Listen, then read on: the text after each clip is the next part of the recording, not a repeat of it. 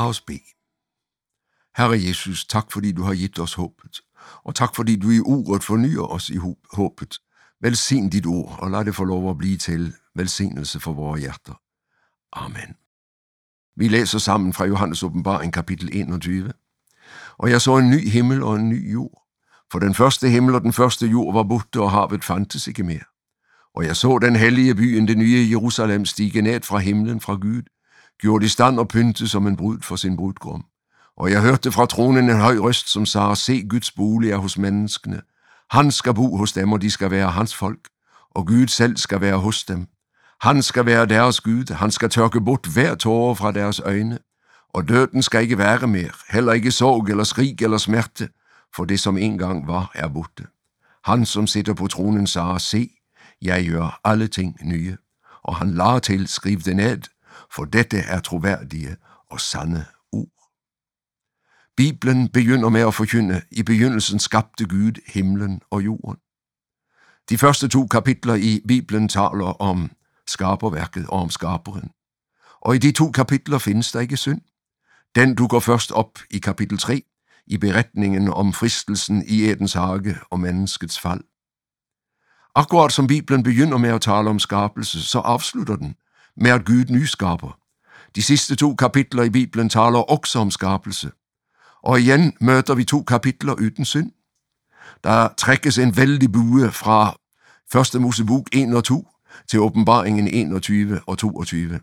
Hele det bibelske budskab er indesluttet mellem disse kapitler om skabelse og nyskabelse. Og på den måten bekræftes sammenhængen i skriften.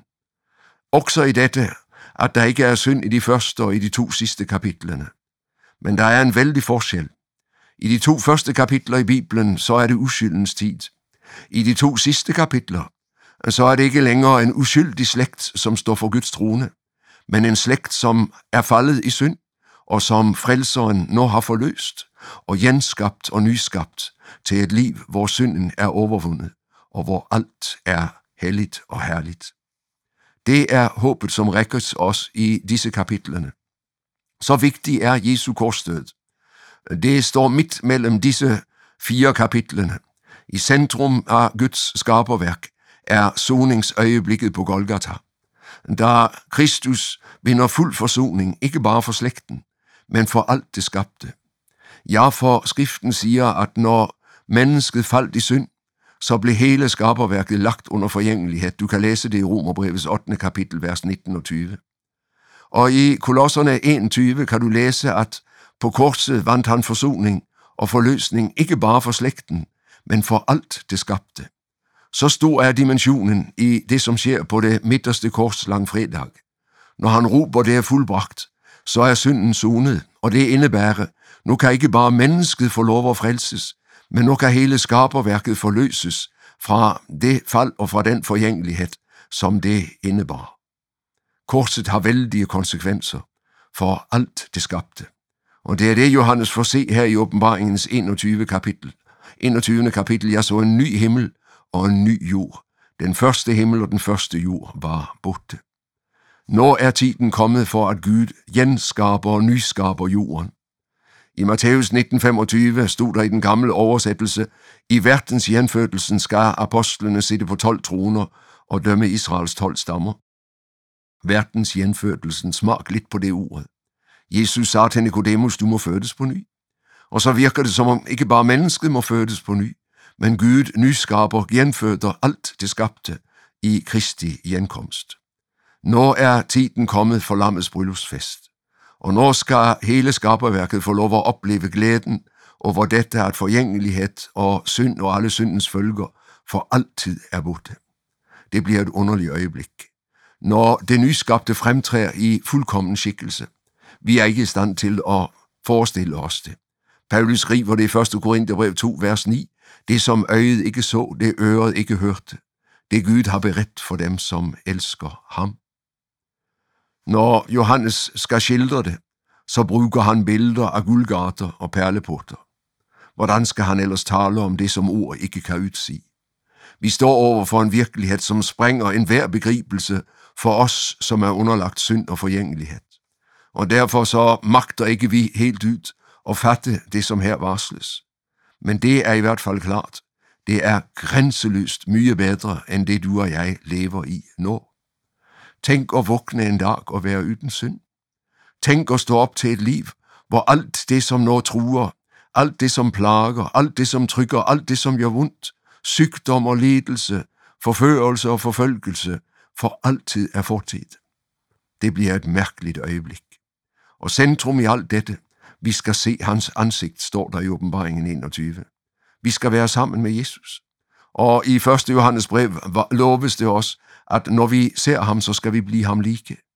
Vi skal gennemstrømmes af hans herlighed, så alt som smaker af synd og urenhed er gebrændt ud af hjerte og bevidsthed. Vi er likedannet med frelseren. Johannes bliver taget med på befaring i det nye Jerusalem. Det kan du læse i åbenbaringen 21 fra vers 9. Han får se det nye Jerusalem, og han får høre en mærkelig hemmelighed. Det er bruden, han ser, lammets hustru. Jerusalem, byen, er altså i virkeligheden en levende organisme. Det er Kristi lægeme, fyldt af ham, som fylder alt i alle. Nu er vi gennemstrømmet af hans herlighed, forvandlet til hans bilde. Det står her i åbenbaringen 21, at byen har 12 grundsten, og på dem står navnene på lammets 12 apostler. Går du nær til den grundstenen, som er nærmest, så ser du, der står Simon Peter, Bethsaida i Galilea. Nå er alt slag brændt bort. Nå er Peter fuldkommen forvandlet til Kristi likhed. Det så umuligt ud ja torsdag nat, men Herren har fuldført sin plan og gjort det, som for mennesker er umuligt, men som er muligt for Gud. Hvis du ser dig om i muren, så finder du dig selv, nyskabt i Kristus, fyldt af hans herlighed. Min ven, vi har nu et vidunderligt foran os. Vi skal vandre ved livets elv. Vi skal vandre med Gud selv. Og vi skal opdage, at vi er Guds bolig og Guds tempel. Det siges, at det nye Jerusalem har form som en kube, men kuben det er det allerhelligste, Guds bolig i det gamle testamente. Nå er det allerhelligste nyskabt og fuldkomment. Ikke et telt eller ikke et tempel, men en menneskehed præget af Jesus og fuldkommen i kærlighed, i omsorg og i varme, slik han er det. Min ven, du har nu et vidt ynderlig foran dig. I denne søde juletid skal man sig ret fornøje, synger øh, brorson i en gammel julesalme. Ja, det har du al grund til, for den varsler ham, som kommer, for at gøre alle ting nye. Den store julefest, når du og jeg står for Guds trone og deltager i lovsangen til lammet. Lad os være sammen om at være der den dag. Lad ikke nu få lov at tage Jesus fra dig. Velsignet adventstid. Amen. Overnatten Bibel var ved Kurt Hjemdal. Serien produseres av Norea Mediemisjon. Les mer om oss på norea.no.